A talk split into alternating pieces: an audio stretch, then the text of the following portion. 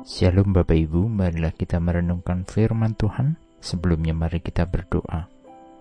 Tuhan kami mau merenungkan firman-Mu. Roh Kudus pimpinlah kami. Di dalam Tuhan Yesus kami berdoa. Amin. Bacaan saat ini diambil dari Ibrani 4 ayat 12. Ibrani 4 ayat 12. Sebab firman Allah itu hidup dan berkuasa dan lebih tajam daripada pedang bermata dua mana pun. Firman itu menusuk jauh sampai memisahkan jiwa dan roh, antara sendi dan tulang sumsum, serta sanggup menilai pikiran dan kehendak hati kita. Kemajuan teknologi membuat kita setiap hari dibanjiri oleh informasi-informasi terkini bahkan mungkin yang tidak terpikirkan sama sekali oleh kita, dapat tersaji dan dapat kita lihat, dicari, ataupun tidak kita cari ketika kita menggunakan smartphone kita, menggunakan gadget kita. Saat kita buka smartphone, akan muncul banyak berita-berita, baik melalui aplikasi percakapan atau aplikasi pencarian, yang awalnya kita tidak rencanakan karena muncul begitu saja, dan akhirnya kita mengaksesnya. Betapa mudahnya kita digiring dengan informasi yang muncul, dan bisa jadi kita juga akan terpengaruh isi informasi yang belum tentu kebenarannya. Ini hebatnya teknologi pada saat ini, yang mungkin 15 tahun lalu hal ini tidak kita temukan.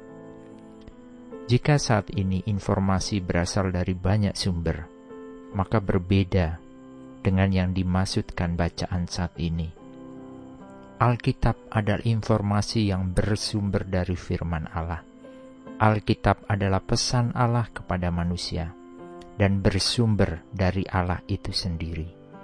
Dan firman Allah itu hidup dan berkuasa tertulis dalam Alkitab Bahasa Indonesia sehari-hari 2 Petrus 1 ayat 21 yang berbunyi Sebab tidak pernah pesan dari Allah dikabarkan hanya atas kemauan manusia tetapi roh Allah menguasai orang untuk menyampaikan pesan dari Allah sendiri. Juga di 2 Timotius 3 ayat 16 berbunyi, Semua yang tertulis di dalam Alkitab diilhami oleh Allah dan berguna untuk mengajarkan yang benar, untuk menegur dan membetulkan yang salah, dan untuk mengajar manusia supaya hidup menurut kemauan Allah.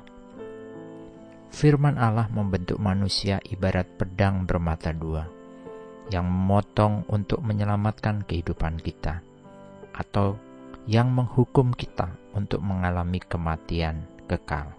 Firman Allah dapat membedakan antara perkataan, perbuatan, pikiran, dan motif yang memandang Yesus, atau perkataan, perbuatan, pikiran, dan motif yang bersandar pada keinginan duniawi. Firman yang menjadi manusia ada dalam Kristus Tuhan yang telah menebus dosa kita. Kita patut mengikuti firman itu di dalam kehidupan kita di dunia ini, karena kebenaran ada di dalamnya.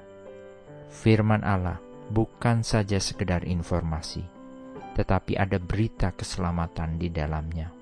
Firman Allah adalah sebuah peta untuk memperlihatkan kita jalan untuk hidup. Firman Allah memberikan hikmat kepada kita. Firman Allah itu hidup dan berkuasa jadi, renungkanlah firman Allah setiap waktu, dan janganlah kita diombang-ambingkan informasi duniawi. Amin. Mari kita berdoa. Bapa Surgawi, terima kasih atas firman Tuhan yang hidup dan penuh kuasa. Roh Kudusmu terus ada di dalam kehidupan kami. Singkirkan semua yang bukan dari Tuhan dalam hidup kami, dan jadikan kami pribadi yang mengasihimu senantiasa. Di dalam Tuhan Yesus kami berdoa. Amin. Tuhan Yesus memberkati. Shalom.